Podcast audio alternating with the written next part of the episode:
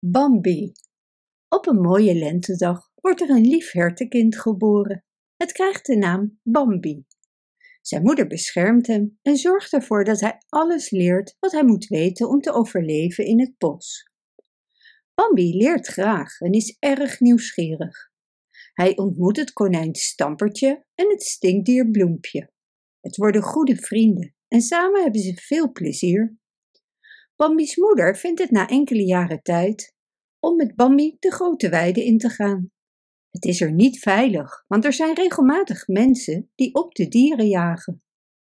Hier ontmoet Bambi zijn vader, die de grote prins wordt genoemd. Het is het oudste en slimste hert in het bos. Ze leven samen in een grote groep herten. Feline is een van de herten. Het is een jong meisjeshert en Bambi en Feline worden dikke vriendjes.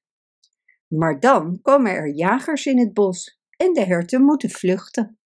Dat was erg spannend allemaal, maar gelukkig loopt het goed af en vinden de herten een goede schuilplaats. In de winter ziet Bambi voor het eerst sneeuw en hij vindt het geweldig. En samen met zijn vriend Stampertje geniet hij van het spelen op het ijs. Maar in de winter slaapt het bos en er is weinig voedsel. Als Bambi's moeder gras ziet in een open veld, besluit ze daar samen met Bambi naartoe te gaan. Maar de jagers zijn weer in het bos en dus moeten ze rennen voor hun leven. Rennen, Bambi, en niet achterom kijken. Gewoon blijven rennen, hoort Bambi zijn moeder roepen. Er klinkt een schot, maar Bambi kijkt niet achterom. Hij vindt de schuilplaats terug, maar zijn moeder ziet hij nergens meer.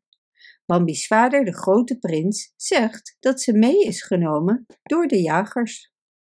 Vanaf dat moment zorgt de grote prins voor Bambi en Bambi wordt een volwassen hert. Ook zijn vriendjes Stampertje en Bloempje zijn nu volwassen dieren. De wijze uil in het bos vertelt hen over de lentekriebels. Dat is de periode dat volwassen mannetjesdieren interesse krijgen in de vrouwtjes, vertelt de uil. Nou, dat zal hen niet overkomen, zeggen ze alle drie vastberaden. Maar de uil had gelijk. Bloempje kreeg niet veel later daarna verkering met een vriendinnetje. En ook Stampertje wordt verliefd. En Bambi krijgt ook meer dan gewone interesse in zijn vriendinnetje Feline. Maar hij is niet de enige. Er is ook een ander hert dat interesse heeft. En dit is een heel vervelend hert. En hij wordt zelfs zo vervelend dat het uitdraait op een gevecht tussen hem en Bambi. Gelukkig weet Bambi het hert weg te jagen. Dan dreigt er opnieuw gevaar. De jagers zijn terug en het zijn er heel erg veel. De dieren vluchten het bos in, maar op vele wordt geschoten. Feline gaat op zoek naar Bambi, maar wordt hierbij bedreigd door jachthonden. Bambi vindt Feline. En als hij met de jachthonden vecht, wordt hij in zijn been geschoten. Zijn vader ziet het gebeuren en roept naar zijn zoon dat hij op moet staan en vluchten. Het vuur dat in het kamp van de jagers is aangemaakt, wordt door de wind zo aangewakkerd dat al gauw het hele bos in brand staat. Bambi weet met zijn vader en Feline te ontsnappen naar een veilige plek.